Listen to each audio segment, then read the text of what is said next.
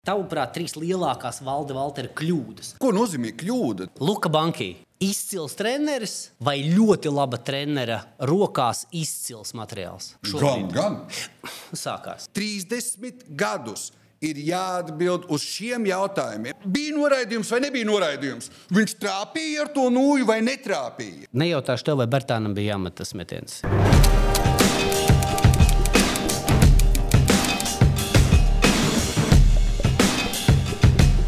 Labdien, cienījamās skatītājas un godātie skatītāji! Kārtējā Vefrīga podkāstu epizode. Šodien mans viesis, cilvēks, ar kuru man vienmēr, man personiski ir ļoti interesanti parunāties gan par visu to, kas saistīts ar sportu un apsportu, un ne tikai. Un otrkārt, cilvēks, ar kuru es tiešām nu, laikam, pēdējos 11 gadus ar tādu apbrīnojumu regularitāti tiekos, tā ir vismaz vismaz reizi gadā. Kas tā par dienu, to mēs eh, iespējams sarunas laikā arī skarsim. Dāmas un kungi, neviens cits. Jānis Jančevits. Ļoti patīkami. Sveiks, Jānis. Cits starpā, sākot mūsu sarunu, tu vispār bieži nu, labi, nesauksim šo par interviju, paliksim tomēr pie uh, apzīmējuma saruna. Uz šādām sarunām tiek aicināts kā viesis. Jo, manuprāt, es nekad neesmu klausījies tevi, kad nevis tu intervēji vai, vai tiec izjautāts, bet, bet, bet parasti tu to dari pēdējos desmit gados ievērojami mazāk nekā priekšpēdējos desmit gados. Bet pieredze ir bijusi tajā LBL Jā. direktorā. Jā, gan direktora, gan varbūt saistībā ar dažiem sportiem un, un komentēšanām. Okay. Sākot mūsu sarunu, ja mēs tik sacīt, nevainīgi pie tā basketbola nonācām, kā tu nokļuvi basketbolā? Valdis Valters un Edgars Neps uzaicināja. Gandrīz, gandrīz tā kā vienādi. Gandrīz vienādi. tā kā kurš gads? Kurš gads? 97, 98. Bet tu jau esi uz to brīdi televīzijā? Es no, televīzijā, jā. Redzams, uh, un, uh, un, jā, dzirdams, un dzirdams populārs, te, populāra televīzijas personība, un tevi uzaicina. Populāra. Nu, Uzsvars uz populāru. Labi, labi. Jā, jā. Es ļoti labi to posmu atceros. Tomēr mūsu gada starpība nav tik liela. Jā, nav es jau domāju, pieaudzis cilvēks. Jā. Es atceros par to, es, es gribēju atsevišķi parunāt kādu, kādu mirkli par to LNT stāstu tajā 96. un 97. gadā kopumā, un līdz ar to arī par, par sporta ziņām, kā vispār par kaut kādu jaunu žanru Latvijas televīzijā. Bet tas cits. Un te uzaicina, un tu uh, līdz tam uh, LBL 2000 direktora amatam tur vēl kaut kādi gadi. Par to starpu tu esi kas? Nē, es, es, es esmu televīzijā, un tad es esmu LBL 2000 direktors. Uzreiz. Uzreiz jā. Bet tā, tas ir uh, kurš gads? 96, 97, manuprāt, manā atmiņā. Ah, man liekas, ka kaut kādā brīdī tu vēl biji pirms tam. Va, nu, nē, nē, pirms okay. tam. Nē. Un, un, tas ir tāda, nu, tā ir tāda formālā iesaiste, bet nu, tāda, teiksim, tā nezinu, 80. gadi, tavi tur, tur jaunības pusauģu gadi. Cik lielā mērā tu seko līdzi, cik lielā mērā tu interesējies par basketbolu, par, par nezinu, tā laika vefiņu? Ļoti lielā mērā. Tik cik, un es pat negribētu teikt, uzsvars uz basketbolu. Tā kā man ir arī bijis jāpaklausās atsevišķi podkāstā, es zinu, ka modernie atsevišķi podkāstu vadītāji ar tēti iet gan arī uz katru mājas spēli. Tas ir svētums, tas bet izveido, bet, bet izveido jā, hokeju. Es eju uz VFU, es eju uz Dienāmo, es pērku laikrakstu sports, laikrakstu padomu jaunatne, laikrakstu cīņa.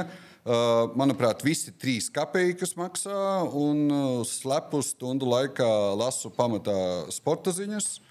Nu, un sekoju līdz tam, kas notiek. Bet tā ir tāda tava liela kaislība, jo nu, labi, mums tā gada atšķirība, protams, tajos 80. kas tomēr ir specifisks laiks. Manā gadījumā nu, tas tēva faktors. Nu, tēvs ņem, ved bērns tur iet, un tad piepatīkās vai nē. Tu esi tomēr nedaudz vecāks, un pats to lēmumu pieņem. Tā tev ir kas, tāda liela kaislība, interese par to sportu. Vai, vai, vai, vienkārši, vai vienkārši nezinu, izklaižu trūkums 80. Eh, gadu 11, 20 gadniekam, nu, ņemot vērā padomju savienību, nu, iespējas simts reizes mazākas, ko darīt. Nu, tas sports kā tāda viena. Nu, tāda. Jo, kāpēc tā to jautāju? Es to ļoti bieži esmu dzirdējis, ka tā ir atbilde uz jautājumu, kāpēc toreiz nu, tā sekošana līdz sportam bija tik masveidīga un tik populāra. Nē, es nepiekrītu. Manā ģimenē Tās bija diezgan regulāras sestdienu izstādes kopā ar vecākiem un manu jaunāko brāli. Uh, man tāpat tās ģimenē bija teātris apmeklējumi. Man netrūka, man netrūka pagalmā, pašam nodarboties ar sportu. Vienkārši interesēja. Es arī to vārdiņu kaislība nomainīju ar interesi. Man interesēja sports, un uh, man ļoti lielā mērā mana matemātikas algebras skolotāja arī ievirzīja tajā sporta skaistumā. Es nevarēju saprast uh, jau 80. gadu beigās, kāpēc mana matemātikas skolotāja Aija Vindeča, tagad Vasiljauska, jau ļoti garus gadus uh, ir manā izpratnē izvēlējusies tādu netik interesantu nodarbošanos kā matemātika. Un, uh, tad viņi paskaidroja, ka matemātika bija iespējams vienīgais vai viens no retajiem priekšmetiem, kur nav jāmelo padomju savienībā. Un sportā, pretēji daļējām mākslām, pat glezniecībā, pat glezniecības izteiksmes veidos, nu, sportā tas gala rezultāts, cik ir centimetri, cik ir sekundes, cik ir punkti. Tas ir uzvarētājs. Nevis kā viņš attēlos, nezinu, Raini, Aspaziju vai jebkur gleznā, fotografijā uz skatuves. Cits ir kad jau tas NBA uh, kausa formāts. Man vēl nav saprotams. Nu, bet, le- bet Lakers viss ir tā kā, tā kā no mācību grāmatas. Jā, tur, tur redzēja to Phoenix Suns spēli, tur uh, kā tur uh, beigas. Tad- tad Neredzēji? cil- Cilvēki, cilvēki strādā pie tā. Jā, viss notiek. Ir, jā, Cits ir to, uh, Winning Time, to uh, filmu skaties. Uh, nē, Nevienu nevien sezonu? Jau noskaties. jā, labi. labi. Nu, es tev godīgi saku, manuprāt, nu, vienkārši izcils kino no tāda, no tāda nedaudz vēsturiskā veida, kā viņi arī filmē. Nu, katrā ziņā es tur arī visu laiku vēl Wikipēdijā sēžu, paralēli skatos. Tiešām iesaku, manuprāt, kolosāli filmu. Cik vispār, ja mēs runājam par 80 gadiem, es ļoti nosaku, mans konkrētais piemērs uh, tur blatu sistēma. Jā, tēvs strādā sporta komitejas autobāzē, tāpēc var dabūt ielūgums, tāpēc es nokļūstu uz Rīgas nāmo, tur regulāri un visu laiku kopā ar tēti. Cik vispār toreiz tā problēma ar tām biļetēm ir nepārvarama? Vai tas arī ir nedaudz mīts, un tomēr, ja gribēji dabūt, varēja? Ja gribēja dabūt, varēja. Melnais tirgus kaut kādā Visā. Nu, nu, mums netālu atrodas jaunais Rīgas teātris. Visa Rīga vai puslatvijas uh, netiek uh, uz jauno Rīgas teātri. Es vai internetā, vai pasādot ar savu datoriņu, cerams, ka drīz atvērsies pie biļešu kasēm. Man tā nav bijusi nepārvarama problēma. Un nebija nepārvarama arī tajā laikā.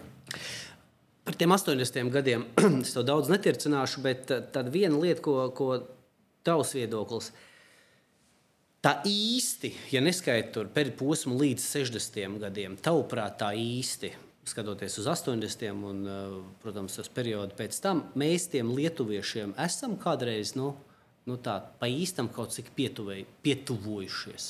Edgar. Uh, Žanrā, ko mēs saucam par basketbolu. Tu man uh, izstāstīji tik sīki, kā tu gatavojies, kā tu seko līdzi.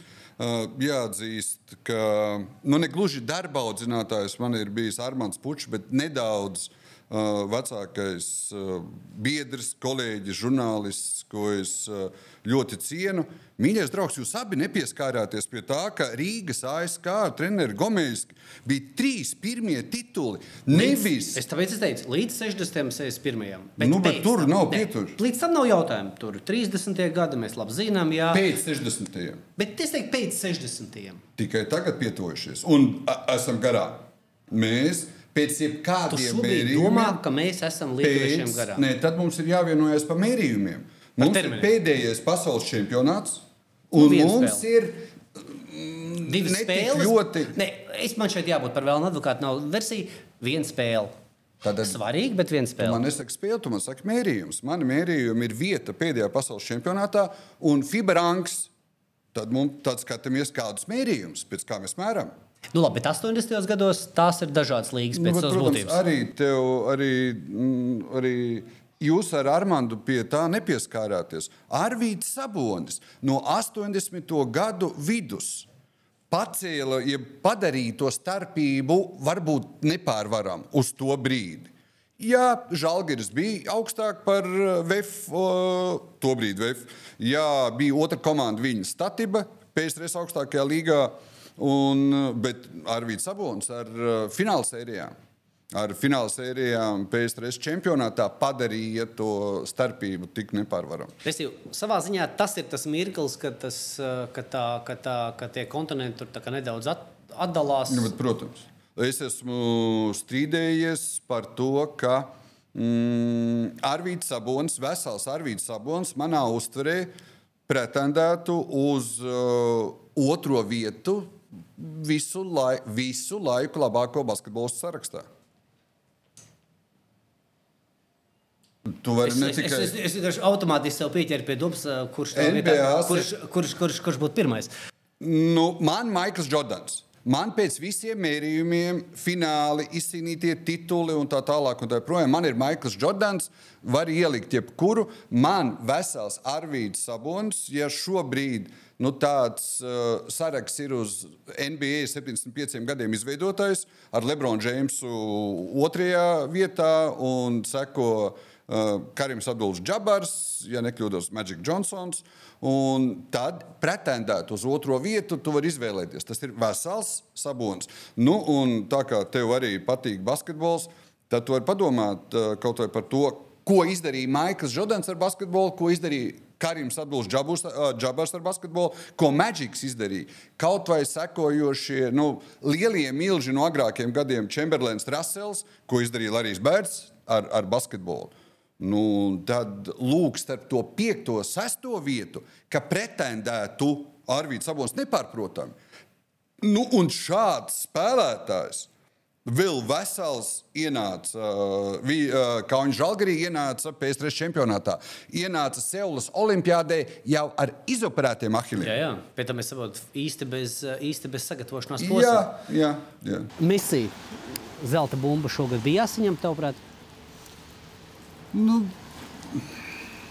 atkal, nu, kā, nu, tur ir biznesa lēmumi. Viņi skatās, ko viņi pārdos uz priekšu, cik pelnīs. Cik, nu, grūti pateikt. Nu, Messi uh, visu panāca, ko vajadzēja, to kausu, ko viņam visvairāk vajadzēja. Viņš pacēla. Es nevaru pateikt. Nu, un Behems kā, kā, kā paziņotājs un balss pasniedzējs. Nu, tur atkal es domāju, ka nu, kā, sports iet uz tirgiem. Sports iet uz tirgiem. Nu, Behems šobrīd apgūst uh, lielāko, naudīgāko tirgu, kur paņemt, nu, vēl ok, mēs Ķīnu varam paturēt prātā. Nu, Behems šobrīd ir lielā vizītkarte, tā tirgus iekarošana, Amerikas tirgus iekaro- iekarošana. Superbols.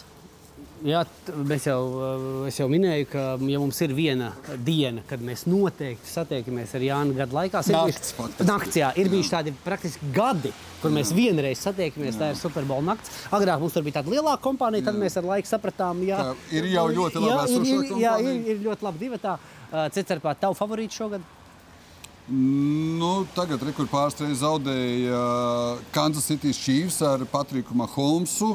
Nu, tur rekur no pelniem Fēniks dzimst Dallasas Cowboys. Uh, uh, viena no pēdējo gadu interesantākajām sezonām, kaut vai tādā izpratnē, cik daudz mainās tie, kas spēka rangos ir pirmajās vietās. Ir Filadelfija bijusi, Kansas City ir bijusi, manuprāt, turpatās ir bijusi uh, arī Buffalo, kas tagad atkal nokrita un gandrīz var netikt plēsofos. Nu, ļoti interesanti būs. Nevar es nepateikt, kas tur favorīts.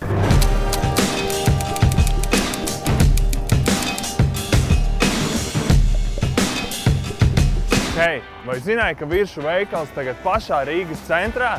Ejam iekšā! Kā vienmēr, jūties kā mājās.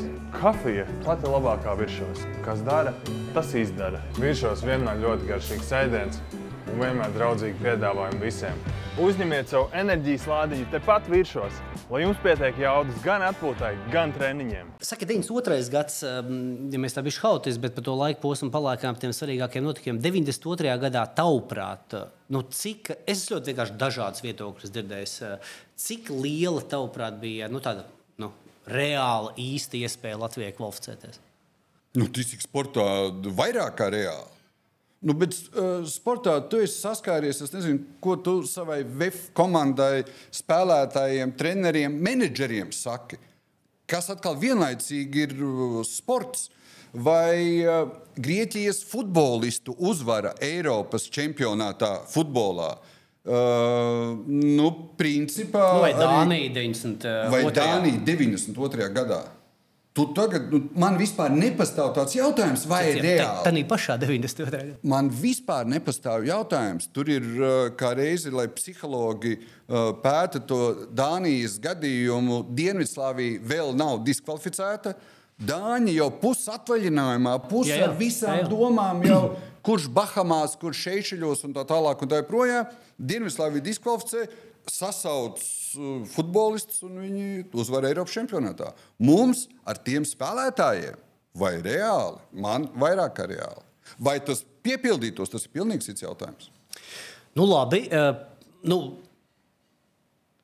ja šajā šī griezumā, ņemot vērā, ko tur nu pat pateica, tas tāds principā pēc šīs atbildes, nu, es teiktu, ka tāds lielais 90. gadu Latvijas basketbola notikums. Ja tev būtu jānosauc tādi trīs, nu, 90. gadu, tieši 90. gadu, uh, trīs liela, nozīmīgākie notikumi, tas nenozīmē, ka ar pozitīvu zīmi, jeb kādu zīmi, tad, tad kādi tie būtu? Kas lielā mērā vai mazākā mērā vai nozīmīgi, bet izsauc kaut kādas tālējošas sekas Latvijas basketbolam kopumā? Pirmais Eiropas čempionāts. Jo nāk tā mīnuszīme, tai teorētiski vajadzētu būt olimpiskajai kvalifikācijai. Un man līdz ar to paliek tā olimpiskā kvalifikācija tāda saraustīta. Nu, tas it kā vai tā jau ir mūsu pilna izlase vai nav pilna izlase. Jebkurā gadījumā jau to brīdi ar rūkumu Nu, tas rūkums, ka tas ir nepiepildītais, eh, nu, kaut kāds uh, sapnis, iespēja, tas man ir palicis kā nepiepildītais. Tad, tad pirmais Eiropas čempionāts Vācijā.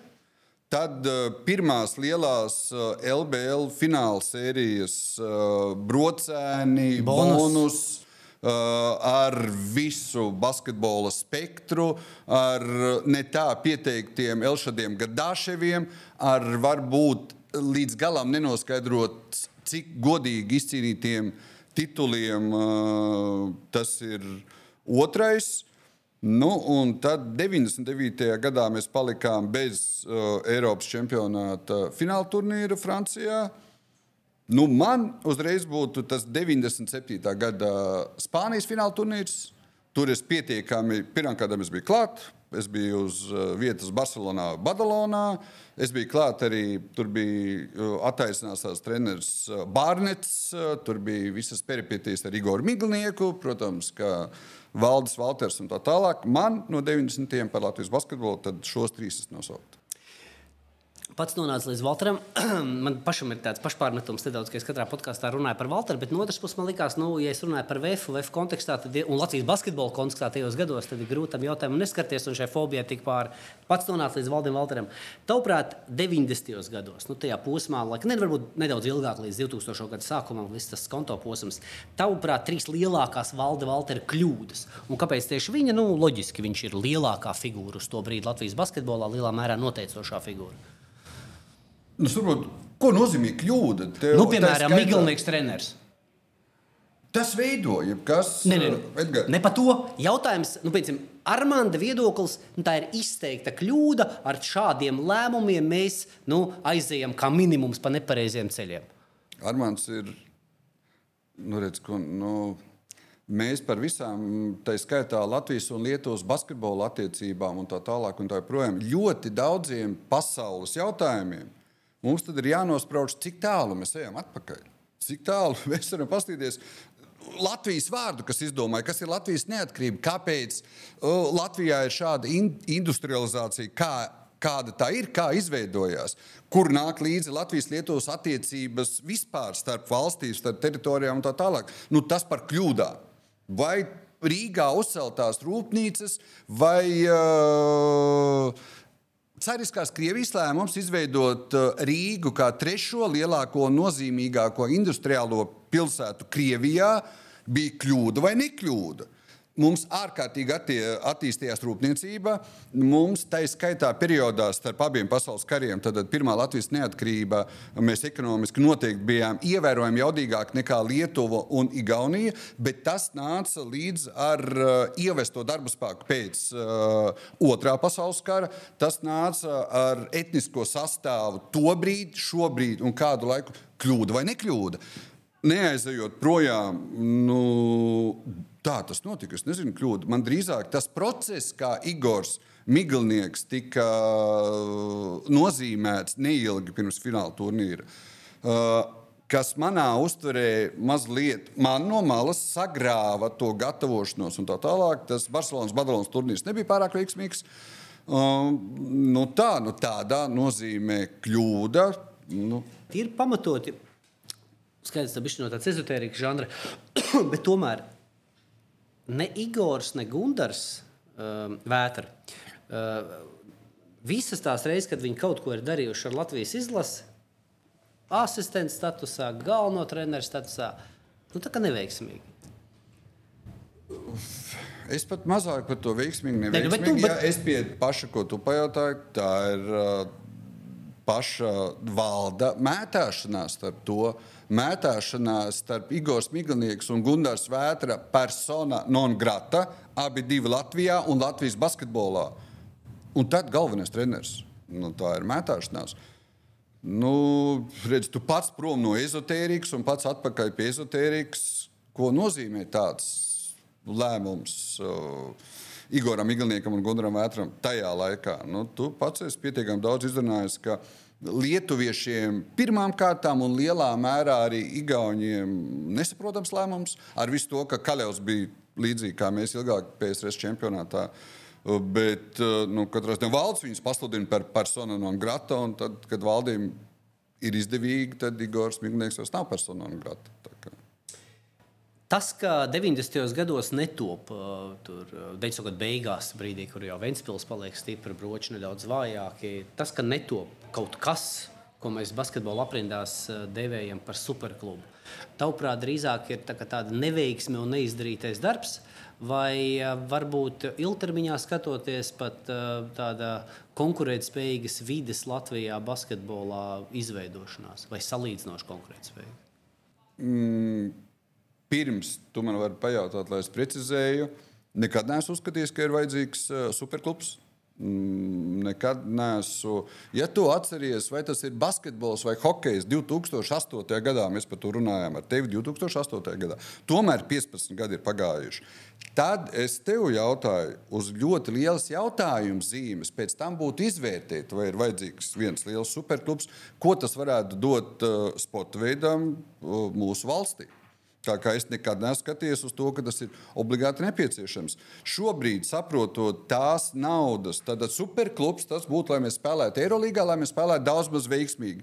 Ja mēs arī Eirolandā ar mūsu superklubu ļoti uh, daudzus gadus nekvalificētos uh, uh, playoffiem, tad nebūs ar astoņām spēcīgākajām komandām. Šo projektu tāpat tās uzskatīt par pietiekami neveiksmīgu, tāpat tās tos finansējumus mēģināt apgriezt un tā tālāk un tā joprojām. Nesaredzu dabīgu veidu finansēt šo superklubu.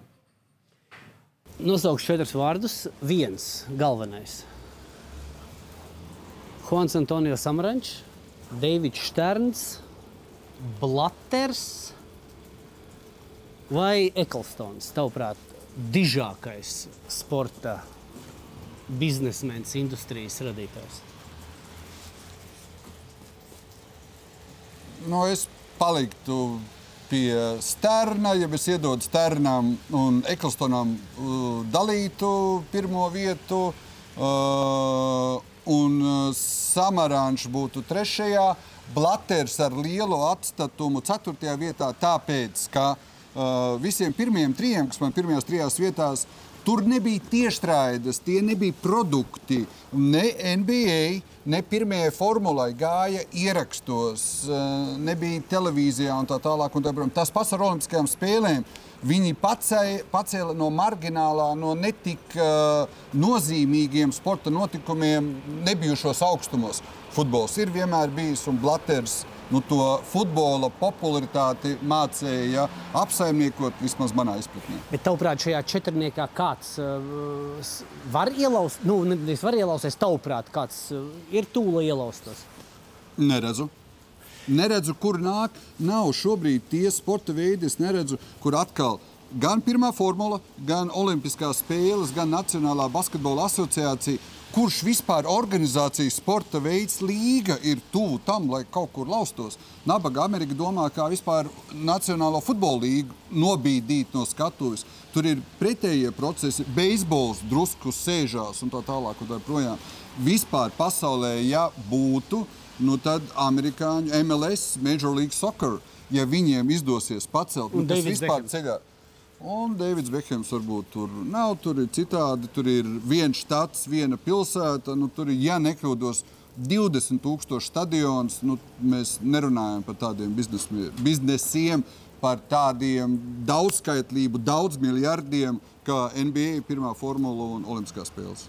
Ja vēl pa 90. gadiem, tavuprāt, Aivars Lembergs eh, kopumā Latvijas basketbolā ar tādu pozitīvu vai, vai uh, diskutablu zīmi?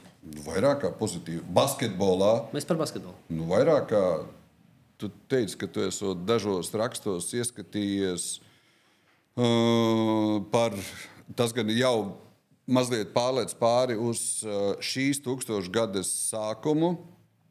Tad man vienmēr ir bijuši svarīgi mērījumi. Man pēc skatītāju skaita, pēc televīzijas reitingiem, Baltijas basketbola uh, sākums uh, pirmie gadi bija ļoti veiksmīgi. Ja, nu Pēc, es domāju, ka izcili. Bez Ralfa Plēnīca un Aivara Lemberga es domāju, ka nebūtu Baltijas basketbola līga. Rīgā šai idejai no sākuma nenoticēja. Un... Rīgā tas ir uh, Zone un Barons uz to brīdi. Nē. Ani Valters un uh, nē, nē, es īsti neatceros, kuri bija nu, tie, kas organizēja procesu 2000 gadus. Es neatceros, uz man tomēr tā ir pirmā galva. Un, bet uh, Rāvs Plēnits uh, vairāk kārt runāja ar savu domas priekšsēdētāju. Un tad, kad tika saņemts uh, stiprs un nepārprotams atbalsts no Vēnspils, tad radās Baltijas basketbola līnija. Kaut vai nerunājot par pašu Vēnspilu un tā tālāk. Un tā, tā, ja par Baltijas basketbolu, basketbolu līgu nedaudz pārlecām, es pēc tam atgriezīšos vēl nedaudz pie tiem 90. gadu beigām, bet šeit svarīgs jautājums. Es tiešām personiski uh, uzskatu, ats, īpaši atskatoties šobrīd uz tiem pēdējiem 20 gadiem, es uzskatu, tas bija. Latvijas basketbola klubiem, nu, nezinu, sauksim par industriju, basketbolam, klubu basketbolam, manuprāt, nu, galvenā lielā iespēja. Vispārējie turnīri un mirkļi, kas ir bijuši, vai, vai kaut kādi tur turnīru aizmetņi, manuprāt, ir uh, pēc potenciāla zemāk. Tiešām gribu par to parunāt? Es gribu par to parunāt. Bet tavuprāt, tavuprāt, līdz galam. Uh, tur skaidrs, ka bija Baltijas basketbola līgai miršanai bija vairāk etapu. Ja? Tur bija visādas klīniskās nāves, un pirms tam bija tādas puslīdz klīniskās nāves. Bet, tavuprāt, nu, tādi galvenie faktori, tomēr, kāpēc jums, mums, bet tomēr vairāk jums ar Ojāru Kehri, kas tomēr bija tāds kaut kāds tur, tur ilgu laiku uh, kodols, neizdevās noturēt. Uh, nu, klubus, visticamāk, gan lietuviešu, gan arī latviešu, Latvijas uh, neiebilstu. Visādi šaubas bija. Neizdevās noturēt, pārliecināt, iestāstīt, iestāstīt, ka šī ir īstā iespēja, šī ir galvenā iespēja. Nevis tur VTB vai kaut kas cits.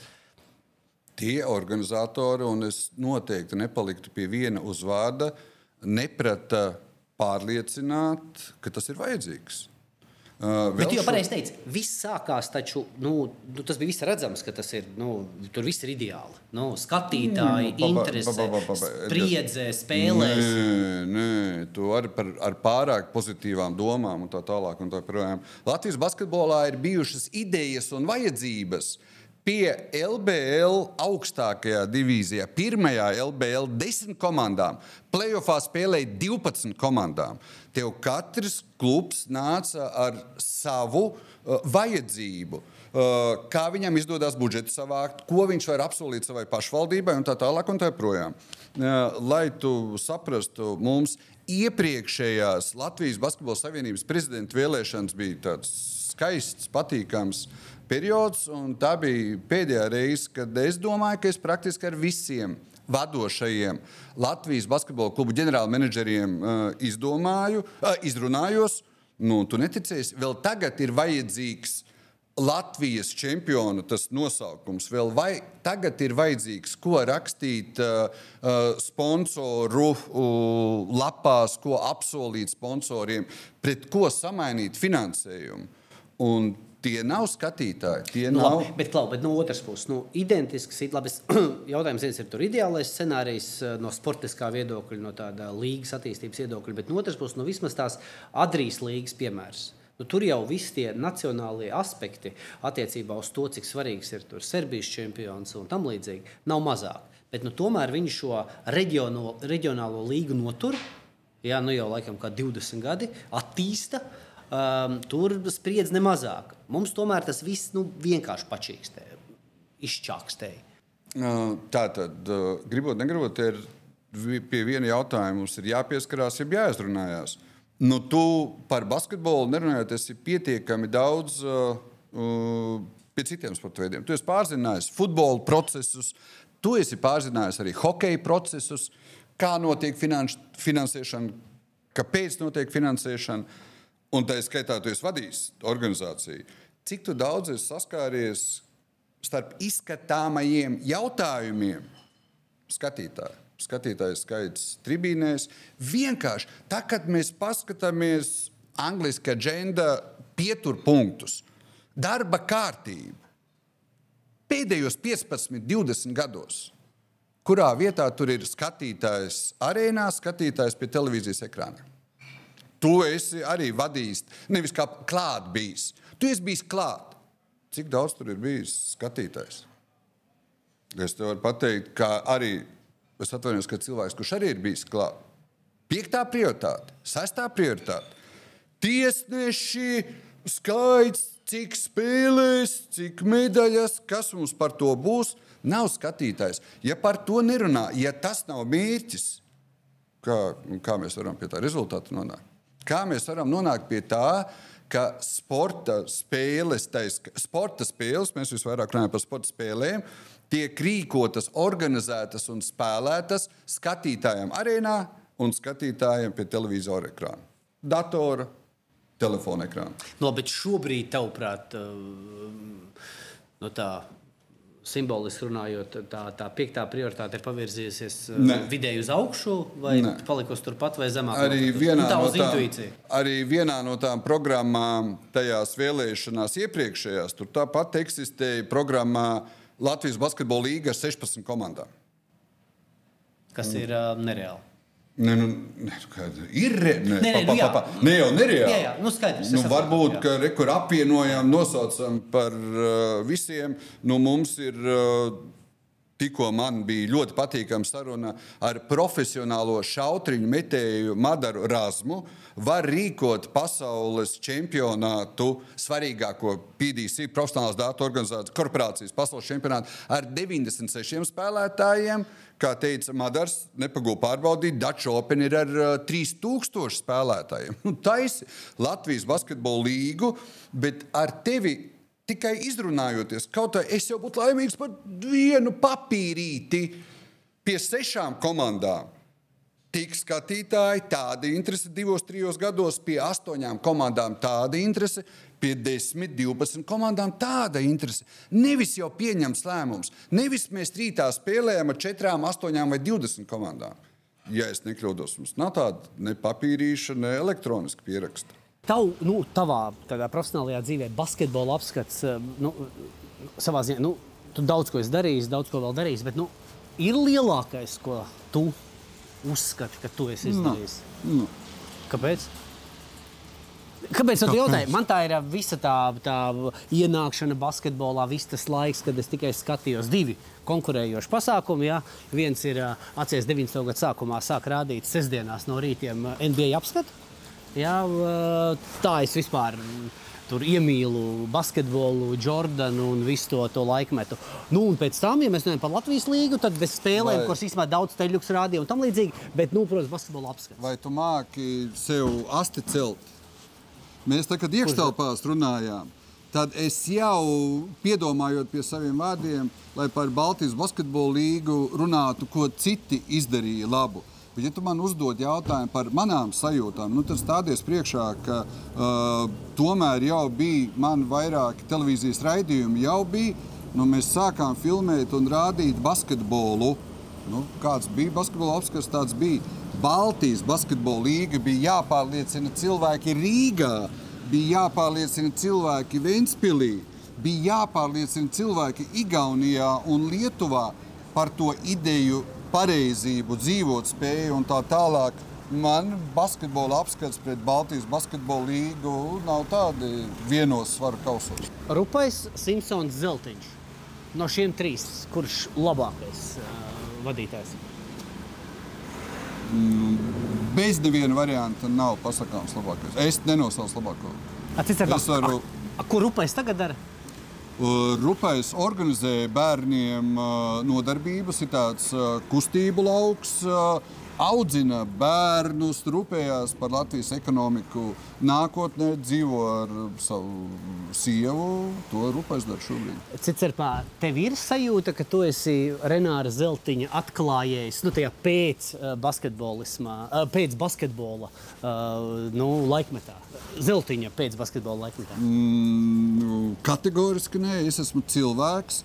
Kam zvaigznes atļāva radīt apstākļus, kur es noslaucīju brilles, lai caur tām brillēm var redzēt un saredzēt, kas ir Renārs Zeltiņš. Un biju drusku blakus tam, lai Renārs Zeltiņš varētu Latvijā un visā pasaulē parādīt, kas ir Renārs Zeltiņš.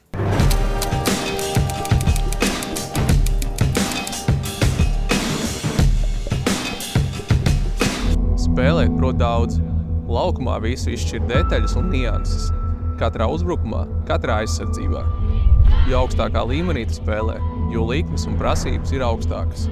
Mēs strādājam dienu no dienas, gadu no gada, lai slīpētu katru sadarbību, saspēli un metienu. Tikai tāpēc mēs uzvaram. Rietumbanka kvalitāte nekad nav nejaušība. Saki, tavuprāt, pārskatāmā nākotnē nu, tēma, nu, šī tēma vai konkrēti varbūt to, to novedot līdz kaut kādai tādai konkrētākai formai, konkrēti Baltijas basketbola līga, tāds formāts, kāds bija tur 2000. gadu vidus. Atgriezīsies dienas kārtībā, vai tas, vai tas šobrīd ir kaut kas ļoti grūti iedomājams? Nu, Baltijas, ņemot vērā lietuviešu kontekstu un, un tādu. Baltijas basketbola līga nekad nebūtu izgājusi no darba kārtības. Nē, ok, labi. Jautājums pret jautājumu, Nē, bet nu, man... nu, pēc būtības. Nu, pēdējos desmit gadus šī tēma labākā gadījumā dienas kārtībā Baltijas mērogā, trīs Baltijas valstu mērogā, nu faktiski nav. Nu, lai šiem ir savs ceļš. Man būtu. Bet ko nozīmē savs ceļš? Nu, Nē, nu, tev nu... daudz diezgan. Nu, lai ir. Da... Edgars, es joprojām ik pa laikam parunāju ar Lietuvas Basketbola federācijas vadītāju, ģenerālsekretāru. Viņi, starp citu, ar mani pat parunā par to, vai Vēfs negribētu piedalīties Lietuvas atklātajā čempionātā. Jā, uz ko es saku, nu, tu... tas ir viss ir nenormāli skaisti. Jā. Protams, paldies par tādu godu, bet, bet nē.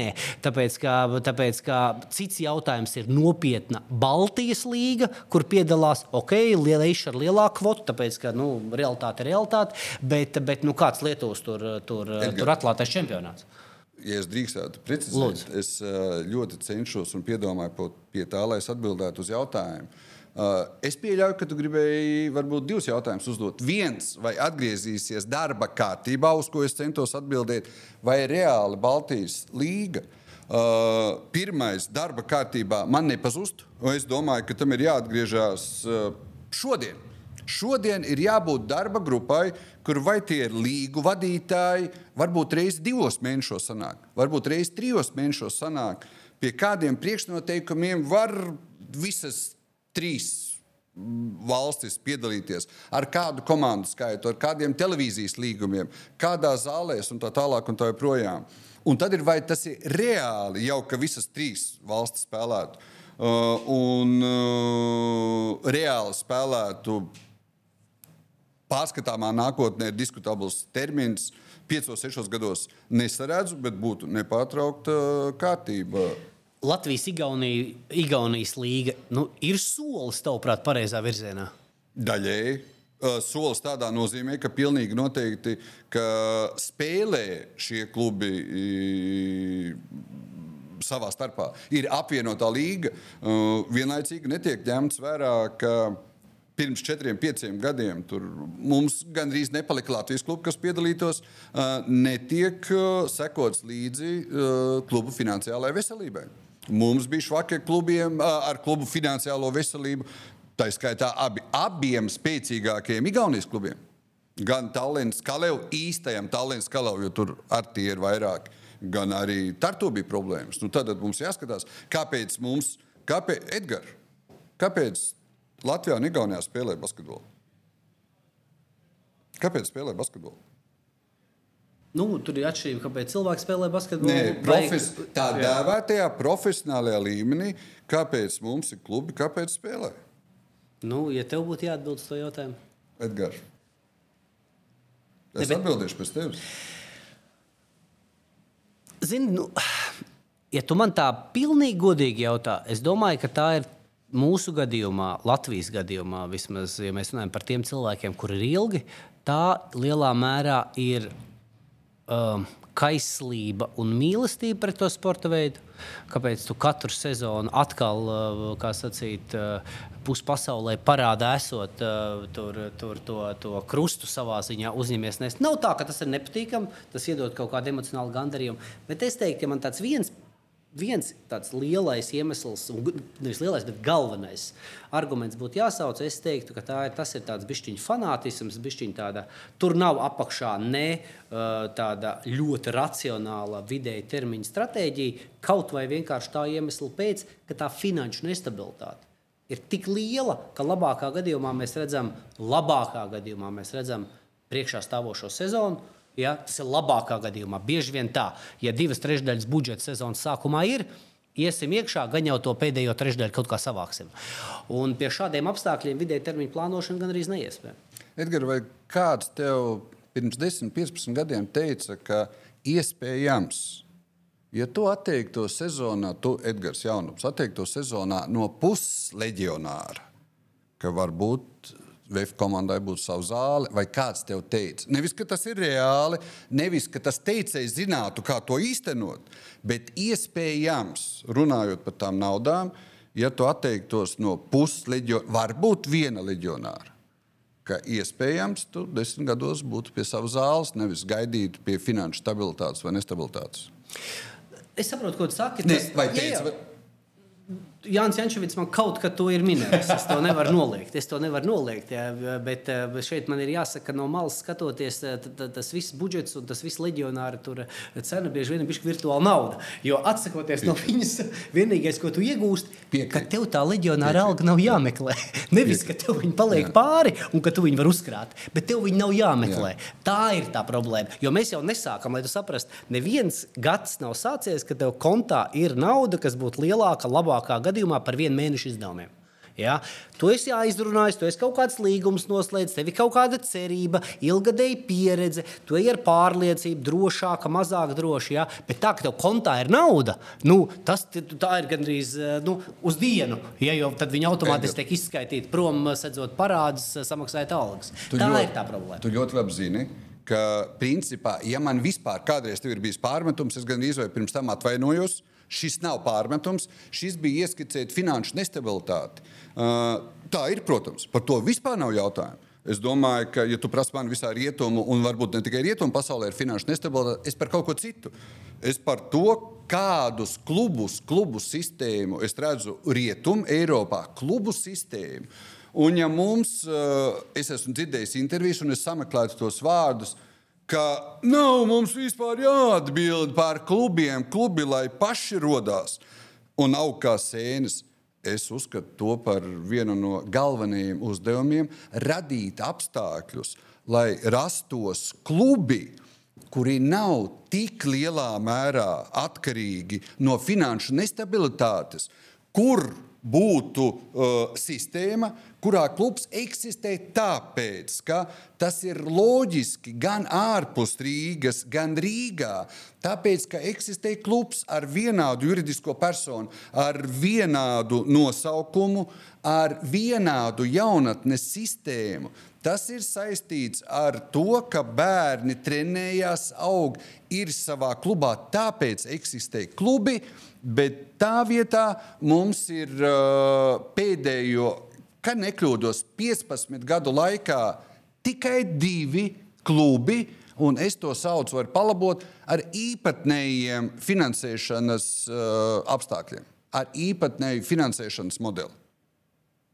Divi nav mums citu klubu, un mums nav mērķis tādus radīt.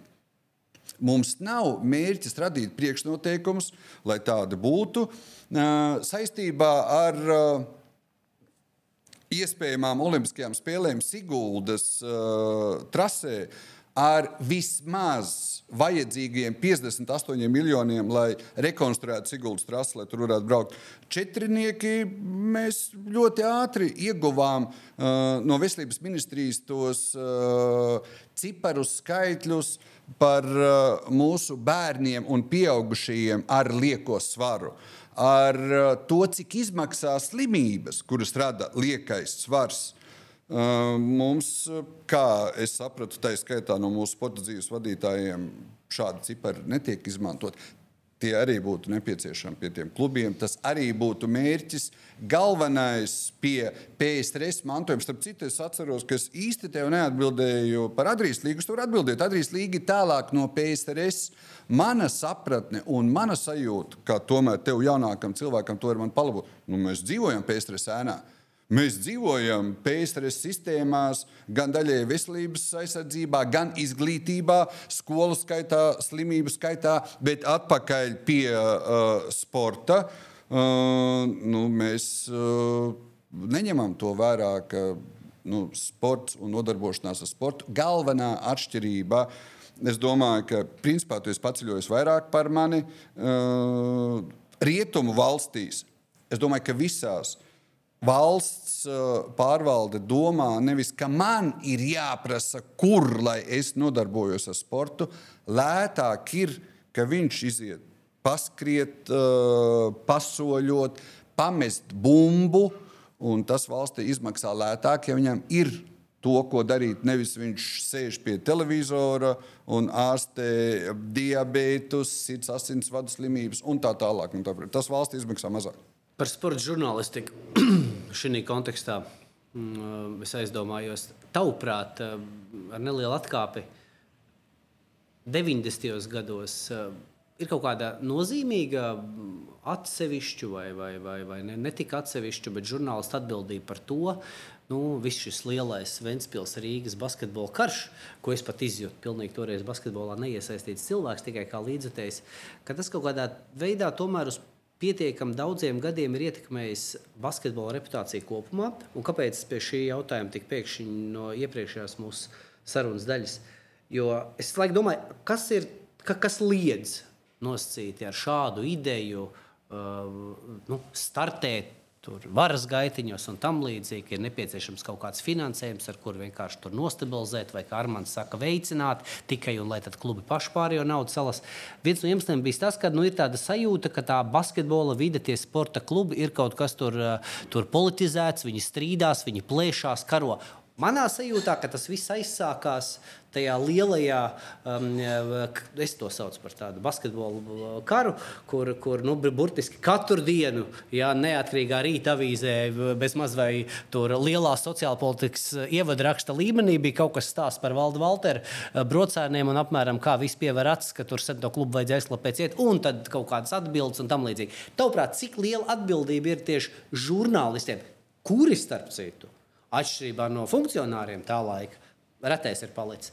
Vēl visi ir profesijā, mm, turpina, turpina informēt uh, skatītājus, klausītājus un lasītājus par aktualitātēm. Uh, ir vai nav atbildība? Tavuprāt, simtprocentīga un nulle procentu atbildība. Tā tad pilnīga un tā tad nekāda.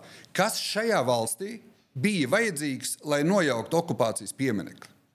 Atgādināšu te, un tu zini, mēs arī par to esam runājuši. Uh, mēs tik gadus, cik esam NATO valsts, tik gadus, cik mēs esam Eiropas Savienības valsts, kas bija vajadzīgs, lai nojauktu okupācijas pieminekli? Buču. Jā. Ir atbildīgi žurnālisti vai nav atbildīgi žurnālisti? Nē, nu, tomēr dažādi jautājumi. Nē, žurnālistu atbildība pret procesu kā tādu. Vai tā ir arī žurnālistu atbildība, ka NATO un Eiropas Savienības valstī Okupācijas piemērs. Paskaidrošu, kāpēc nav. Šeit sev atbildēšu. Es neuzskatu, ka žurnālistam ir atbildība kādu jautājumu celt, lai panāktu obligāti pozitīvas sekas. Es nesaku, ka tā nav atbildība vai pienākums, tā var būt, bet, bet es nepārmetīšu nevienam, kurš, kā sacīt, neredz, ka notiek kaut kas. Visādi iemesli var būt, savi pienākumi, jebkurā jau nav jau tā, ka kaut kāda situācija ir vienkārši redzama, tur jāiedziļinās un tam līdzīgi. Katram ir savs, kā sacīt, darbs, un viņš, ja viņš to profesionāli dara, viņam ir nu, savā ziņā tiesības nemēģināt vai, vai nespēt visu ieraudzīt. Bet šeit ir cita situācija. 90. gada beigās Latvijas basketbola karš aizsākās ar ļoti aktīvu žurnālistu nu, pamatdarbību. Viņi jau nav, šīs situācijas jau nav, bet tiek rakstīts, tiek, tiek principā arī ietekmēts rezultāts sporta laukumā, publiski uzbrukot konkurentam, lai ietekmētu iespēju viņam naudu piesaistīt un tam līdzīgi. Tās tomēr ir diametrāli pretējas situācijas. Nemācīju uzdot jautājumu. Brexitā un Trumpa ievēlēšanā 16. gadā žurnālistu atbildība. Labs jautājums. Kāda ir žurnālistu atbildība Edgars Brexitā un Trumpa ievēlēšanā 16. gadā? Respektīvi, tu uz mani jautājumu arī atbildēji. Labs atbildīju. jautājums. Pirmkārt, es jau teicu, man ļoti patīk atbildēt ar savām zināšanām, nekāda un simtprocentīga atbildība. Es jau pirmkārt, precīzi, jeb tehniski, kā teikt, mans dēls, es atbildēju uz to jautājumu, un tad ir vēl viens, jo tie ūdeņi ir dziļi. Edgars. Latvijas karš basketbolā, basketbolā starp Vēnspili un Valteru.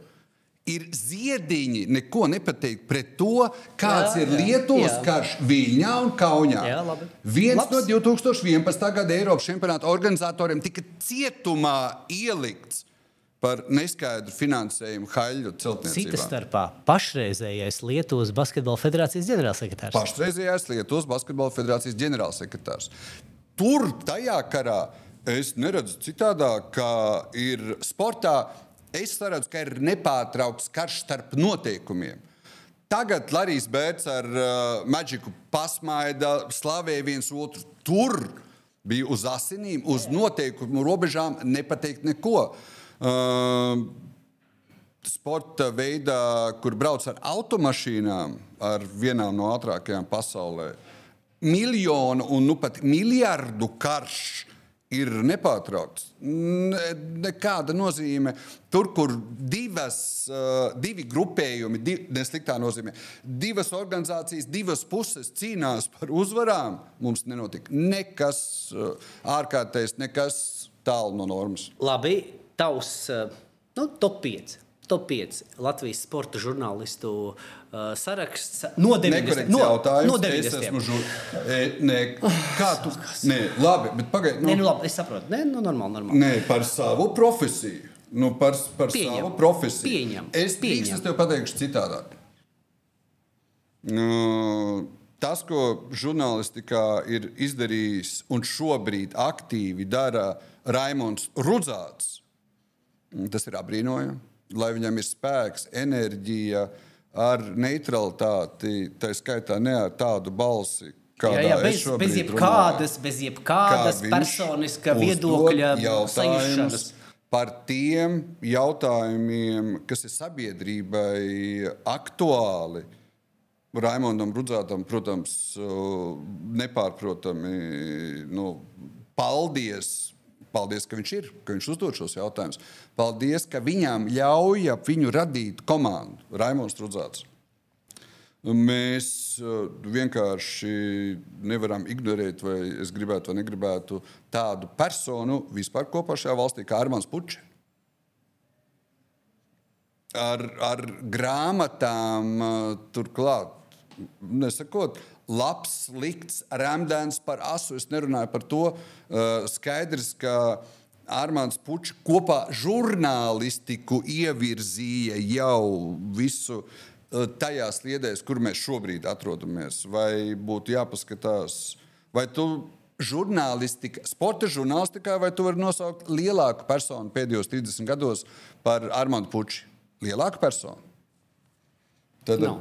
Raimons Rudzāts eh, un Armāns Puči ir divi cilvēki, ko arī cilvēcisko īpašību dēļ es izceltu. Es vismaz daļēji atbildēšu uz tavu jautājumu.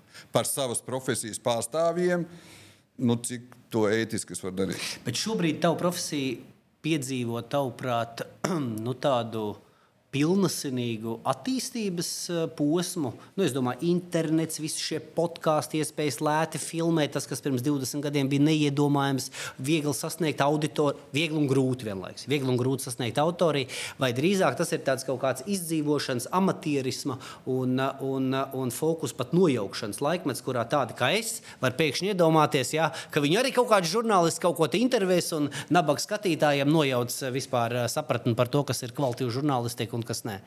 Tāpēc šis laiks vairāk ir pozitīvi, uh, nākotnes griezumā, priekšprofesijas vai, vai bīstams.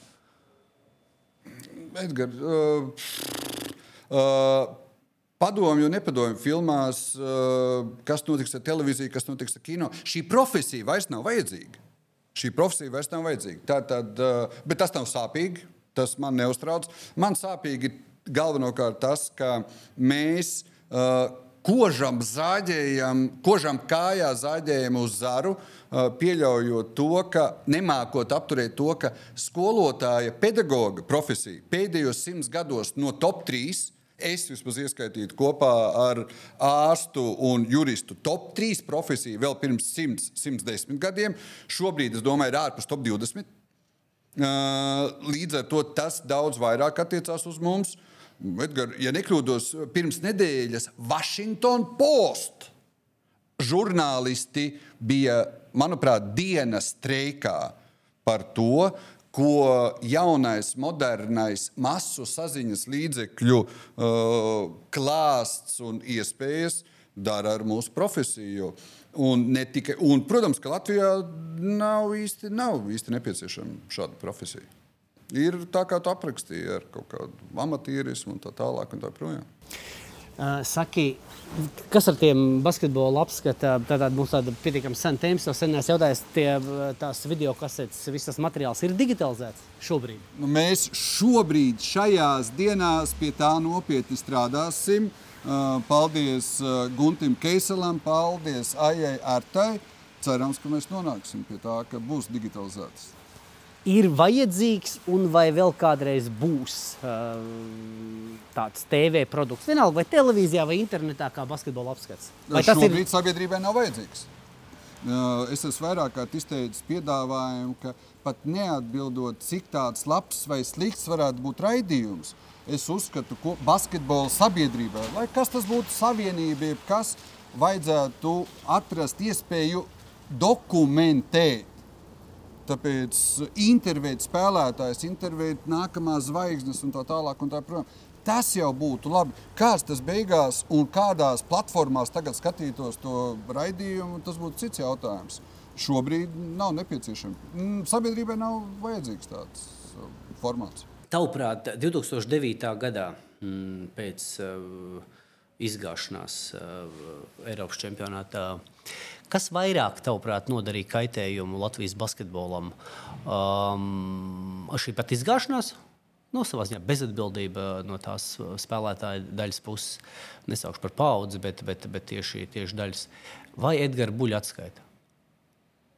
Ne, neviens. kāpēc? Patīšu, kāpēc es to jautāju? Tāpēc, ka es uzskatu, ka uh, tad, kad tu esi amatpersona un tu kaut ko raksti, tev tu nedrīksti būt egoistisks un to darīt tikai tāpēc, lai pasargātu sevi, jo tev ir jādomā par sekām, kādā veidā un ko tu nodarīsi vai vari nodarīt uh, sporta veidam kopumā. Tāpēc tas ir jautājums. Edgars, oh, es, protams, atbildēšu. Vai tu zini, kas ir Latvijas Basketbola Savienības biedri? Nu, ir priekšstats. Cik, cik ir biedri apmēram? Nedaudz virs 50. 50. Kas ir no tiem 50%? Sports skolas. Jā. Ar to finansējumu, ar valsts finansējumu, ar, man liekas, eh, ārkārtīgi, kā minimum, sarežģīto sistēmu. Atkal paldies sabiedriskajai televīzijai. Tikko mums bija nu, pirms nedēļas, eh, kā tiek sports finansēts Slovenijā, kādi ir mērķi, kādas ir stratēģijas un tā tālāk. Un tā projām. es pazīmēju, Mo... Latvijas izmēra valsts. Jā, protams, Latvijas no visiem, pat no teritorijas, pat ne Lietuvas, Latvijas izmēra valsts. Un mums Latvijas Basketbola Savienībā 50 biedri ir sporta skolas. Edgars, es domāju, ka tu vairāk par mani vari pajaut, uh, izstāstīt.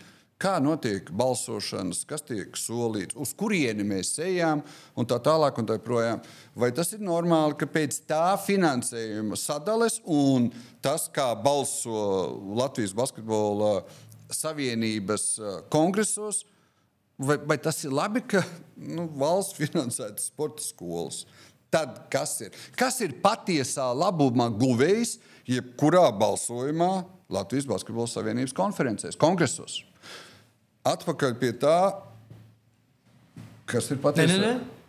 Patiesā labuma guvēja ir pie sevis pie, pie, pieķēra sev, uh, domājot, tādu atbildi, uh, tie, kas vēlas stabilitāti. Tie ir un stabilitāti vēlas, kā sacīt, kā tu pareizi teici, visi institucionalizētie spēlētāji, sporta skolas, kuriem ne mērķi Tikai īpaši ir, jā. tikai, tikai standarts. Tikai Es standarts un vēlams, to, lai ka- kaut kas nepasliktinās rādītājā. Jā. Mērķi, es atvainojos, lai man. tiem, tā skaitā, maniem par kādi ir mani personiskie ienākumi. Lūdzu, ne- nekādas asas kustības, Jā. nekādus, nekādus apdraudējumus, nekādus, ka var kaut kas mainīties. tā tālāk. Stabilitāte pret uh, pārmaiņām. Tā kā šeit uh, stabilitātes partija pārliecinoši uzvar uh, Latvijas Basketbola Savienības un ne tikai, ne tikai šīs federācijas kaut kādos kongresos. Es atgriežoties- neuzskatu, ka 2009. gads vispār kādu ļaunumu izdarīja. Es neuzskatu, es nevainoju. Ne... Nu, Pirmkārt, spēlētājs nekādā gadījumā nevainoju. Un es nekādā gadījumā nevainoju jebkādas atskaites uh, rakstītāju. Es esmu tā skaitā, tad, kad man, tre- man ik pa laikam sanāk runāt ar treneriem, ar basketbola, savienības, uh, ar basketbola sabiedrības pārstāvjiem, un uh, man tā bilde ir skaidra priekšā kas un kā balsoja iepriekšējā kongresā, uh, kas balsoja šajā kongresā. Un pilnīgi skaidrs, ka viena kandidatūra pēdējās vēlēšanās jau ir ļoti labs lakmusa papīrītis, cik veselīga ir Latvijas basketbola sabiedrība. Nu, ko, nu, kā, kā, kā, kā uzrakstīt, tā uzrakstīja. Es, nu, es redzu ļaunumu. Es ļaunumu. Tas, ka tā situācija bija normāla Latvijas basketbola sabiedrībai. Gan tas, ka, kā notika izšķirošā spēle uh, ar uh, Vācijas izlasi, kāda bija Latvijas basketbola sabiedrības reakcija uz to, ka mēs nezinājām, ar kādu rezultātu mums ir jāpabeidz spēle ar Vācijas izlasi. Tā reakcija ir vēl viens lakmus papīrītis. Man nav vainīgs neviens, ne otrs. Un atkal, nu, Un tu zini, ka tas nav tikai intervijā, podkāstā, sarunā ar tevi. Es vienkārši viņus nevainoju. Jebkāda bedre ir nu, vajadzīga, lai, lai, kāptu. Es to nevaru izraut. Es vairs no tā, kas notiek ar Latvijas basketbolu, es to nevaru izņemt ārā. Bet diskvalifikācija, tavuprāt, toreiz bija adekvāts un pareizs solis. Arī no konteksta. mm, Tu pats zini, ka tur bija vairāki. Vēl, nu, tā nebija tīra. Nu, es pat visā sportā, arī lielajos, kāda soda. Nu, kāpēc tu jautāji? Ja mēs vispār paskatāmies uz to, kas ir noticis Latvijas komandas sportā pēdējos 35 gados, tāds precedents nav. Faktiski nodiskvalificēs, es nepateikšu skaitu, es varētu tūlīt tās skaitot, bet nu, no, visus līderus paņem, nodiskvalificē. Daudz no viņiem vēl vecumā, kurā nu, tur, tur varētu spēlēt un spēlēt. Tu esi dzirdējis, ir tāds Luka Dončičs. Ir dzirdēts. Nu, kopā nu, super simpātisks ar nav savām darbībām, nu, basketbola laukumā un tā tālāk. Nu, viedokļi Viņam dalās. Viedokļi dalās. Tev ir simpātisks. Jā, man patīk viņš. Tiešām. Ar uh, konkrētā strīdēšana, ar, vai tev ir simpātiska Līdzīgi kā tu nevari kaut ko izraut no Latvijas basketbola vēstures, līdzīgi es Piekrītu. šīs absolūti totāli unikālās personas, kura 18 gadu vecumā ir vinnējusi Eirolandu. Pa īstam spēlējot kā līderis, nevis uh, sēžot uz soliņa. Uh, Vinnējis Eiropas čempionātu, jā, uh, kopā ar komandas biedriem, protams, Sloveniju, bet tomēr, jā. Un, un, nu, es uzskatu, ka jebkura viņa izpausme ir, ir sadaļa no tā, kāpēc viņš ir Luka Dončičs. Pilnīgi piekrītu. Pirms apmēram nedēļas Dončičs tā kā noskrēja un viņam nosvilpa pašā spēles beigās. Un Lukas saka, es jau nesaku, ka es nenoskrēju, bet tādi ir 15, 20 katrā spēlē, ko nenosvilpi. Tās diskvalifikācijas, ja izņem no konteksta un tā tālāk, Nu, di, nu, dīvains. Es nevaru izņemt tās no, no konteksta. Kāpēc? Es nevaru izņemt. Man vienmēr, man, tā skaitā, kad varbūt ka vairāk raidījumus veidoju, tā skaitā par basketbolu, es runāju ar tiesnešiem. Es gāju visu laiku mācīties, kā tiesneši vilpja, kāpēc vilpja un tā tālāk. Un tā joprojām. Un tad bija tas princips. Nesvilp spēles, beigās to, ko tu nesi svilpis visu laiku, un visu laiku tai skaitā man tiesneši ir skaidrojuši, ka tajās pēdējās 30 sekundēs, pēdējā minūtē ir spēkā divas lietas. Totāli pretējas. Uh, noteikumi arī pēdējās minūtes laikā ir tādi paši kā pirmajā minūtē. Bet pēdējā minūtē tam sodam ir jābūt tā, ka visa zāle redz 40. rindā. Nu, pilnīgi tāds līdzjutēji jautājums. Ja ne visa šī situācija ar, ar Krievijas, Baltkrievijas sportistu iespējamo dalību Olimpiskajās spēlēs, tavuprāt, Latvijas izlases spēlēs nākamā gada augustā? Nu, tā intuit, intuitīvi, uz pieredzīti. Mēs pussekundīgi atpakaļ varam. Droši vai bez Latvijas basketbola izlases spēlēm ar Melnkalni un Bulgāriju mums būtu Luka Banki? Nu, labs jautājums. Domāju, ka nē. Es domāju, ka nē. Tas vairāk par, par tiem visiem, kāpēc arī par tām diskvalifikācijām. Nevis, ka es, es tu, tu ļoti labi zini, nevis es neatbildu, es nezinu. Es sev nevaru atbildēt, nevis es tev neatbildu. Es domāju, ka visticamākais ka, ja nebūtu Melnkalna un jo īpaši Bulgārija, mums nebūtu Luka Banki. Labi, Luka Banki, tavuprāt, izcils pirmkārt vai vairāk, vai noteicošākais, bet viens bez tām, kā izcils treneris vai ļoti laba trenera rokās izcils materiāls. Šobrīd. Gan, gan. Sākās. Nē, nu, pa, nu, nu, tā var atbildēt. Kārtas, Jā, čvic, tā stop, var jebkurš atbildēt. Nu. Pirmā nu, gadā tu jāizšķirās. Tev jāizšķirās. Tomēr visur ir, visur ir 50,001.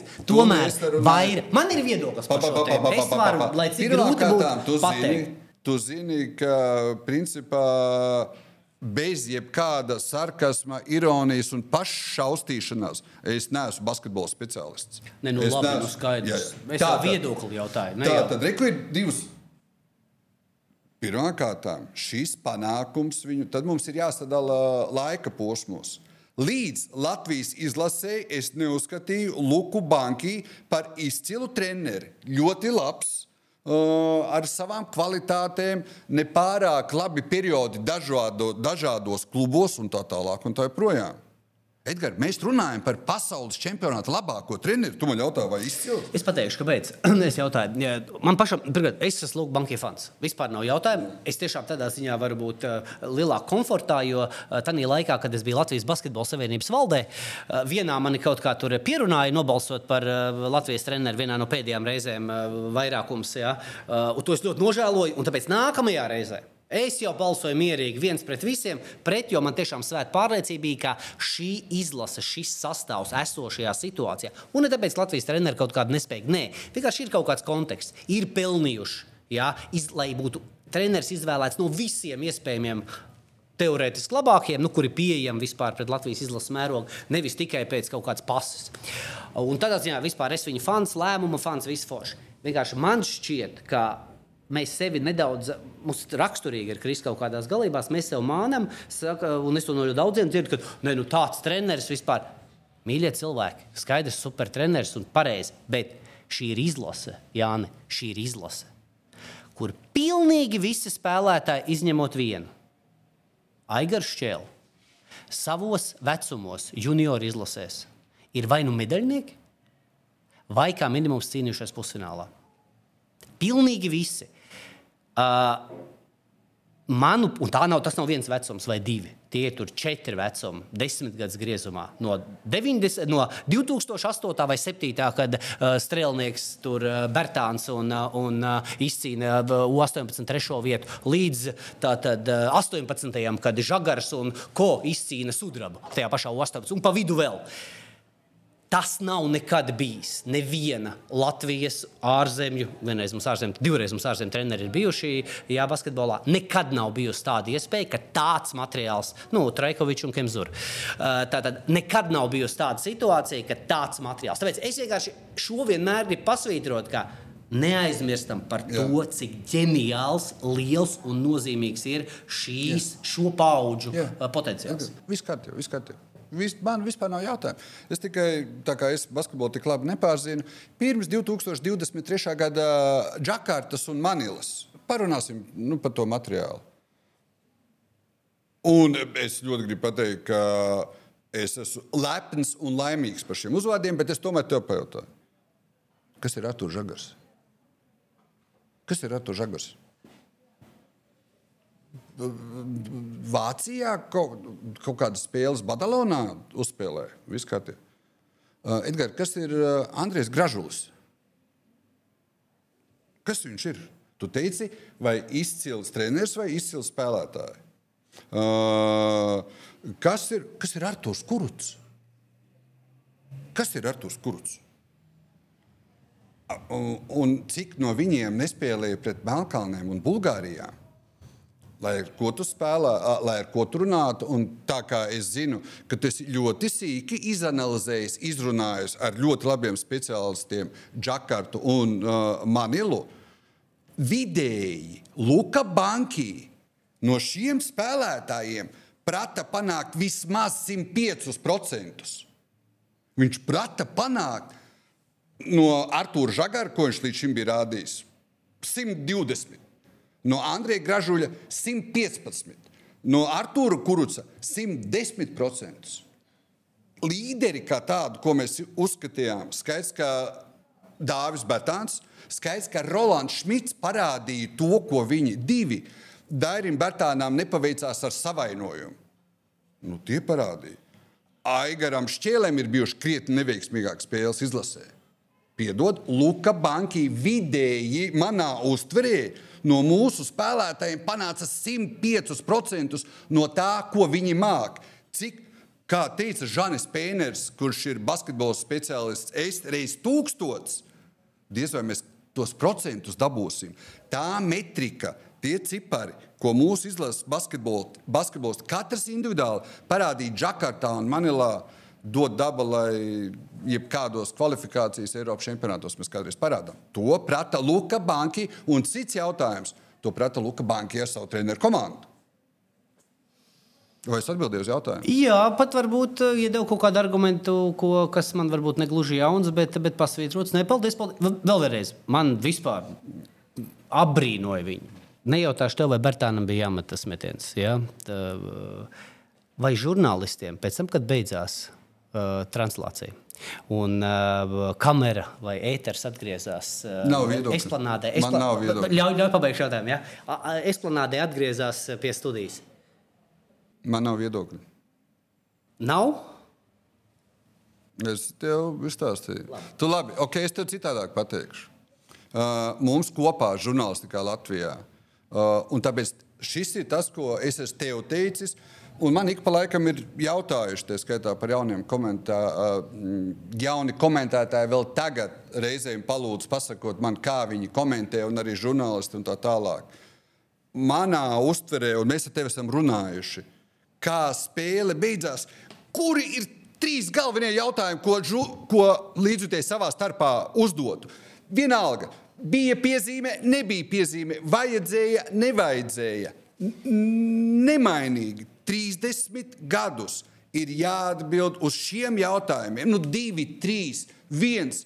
Uh, nevis treneru seminārs par kaut kādām jūtas, vai mēs izpildījām hokeju. Bija noraidījums vai nebija noraidījums? Viņš trāpīja ar to nūju vai netrāpīja. Jebkurš šķērsoja arī, ko tu redzēji. Abi divi mēs ar tevi esam eksperti. Bija vai nebija pāri? Bija vai nebija pāri?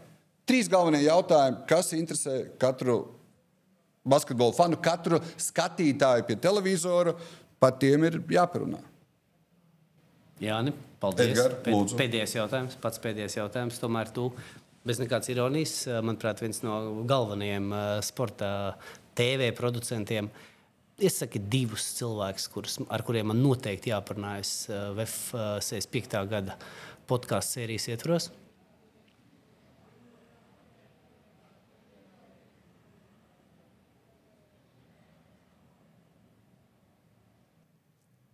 Tev ir jāparunā ar Uljānu Simjonovu. Mēs bieži, viņa ir bijusi paralēli VFam. Ar, lai kas būtu, mēs tavam draugam Valdim Valteram, mēs meklējām par visu padomju savienību tos materiālus. Mēs meklējām, manuprāt, gan Kijavā, gan Maskavā, lai būtu jebkāda bilde, jebkādi materiāli, lai mēs redzētu. Jā, ar Uljānu vēl var parunāt, Edgars, un lai cik viņi ir intervēta, lai kā es nezinu, kādā telpā, VF jubilejas sakarā, tev ir jāparunā ar uh, Uljānu Simjonovu. Otru nesauc vairs. Paldies! Tev.